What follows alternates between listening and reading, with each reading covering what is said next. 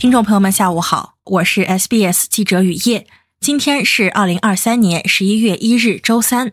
本期 SBS 新闻快报的主要内容包括：被拘澳籍作家杨恒军之子致信阿尔巴尼斯；联邦政府医疗保险改革，预计一千两百万澳人将受益；澳大利亚出租物业供应量跌至十年来新低；昆州新州山火蔓延，当局提醒居民保持警惕。以下是新闻的详细内容。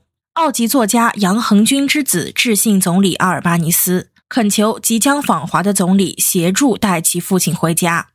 阿尔巴尼斯将于下周前往北京，与中国国家主席习近平会面，这标志着两国关系的回暖。在给总理的信中，杨恒军的两个儿子敦促阿尔巴尼斯采取行动。利用这个狭窄的机会窗口来帮助确保杨恒军获释。二零一九年八月，杨恒军被中国当局以从事间谍活动为由逮捕，他已在北京监狱之中度过四年多时间。妻子表示，其父亲的健康在中国的拘留中恶化。他们在信中写道。我们请求您尽一切可能拯救我们父亲的生命，并立即将他送回澳大利亚的家庭和自由。阿尔巴尼斯表示，他已给杨恒军的家人回信，并对他们的担忧表示同情。阿尔巴尼斯还表示，他将继续为被中国关押的澳大利亚人奔走呼吁。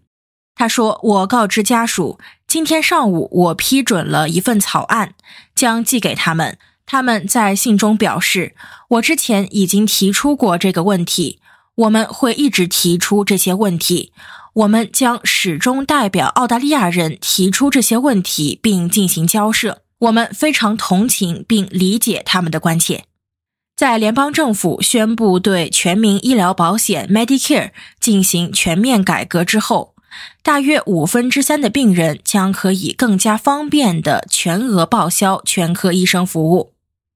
从今天开始，新的经济奖励措施将使全科医生为养老金领取者、优惠卡持有者和儿童全额报销的积极性提高三倍。考虑到全额报销率的下降，联邦政府在联邦预算之中宣布将引进相关措施，预计将有一千二百万澳大利亚人从中受益。老年护理部部长维尔斯将部分患者在寻找全额报销的全科医生时遇到的一些困难归咎于前联盟党政府。他说：“健康和老年护理一直是阿尔巴尼斯政府的工作重点。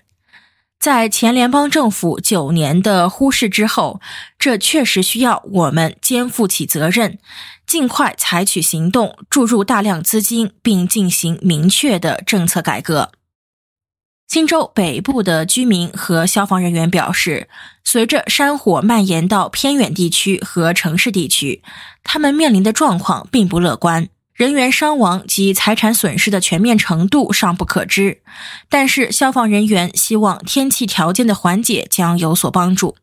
在昆州边境以南的延德尔菲尔德镇北部、西部和南部发生七起火灾，该镇现成为消防工作的中心。超过六十名维州消防人员正在北上支援昆州。国库部长查莫斯鼓励昆州和新州居民保持高度警惕，并及时了解当局的最新建议。好了，感谢收听本期 SBS 新闻快报。在任何播客平台搜索“新闻快报”，点击订阅，开启消息提醒，即可了解澳洲国内外新闻及社区信息。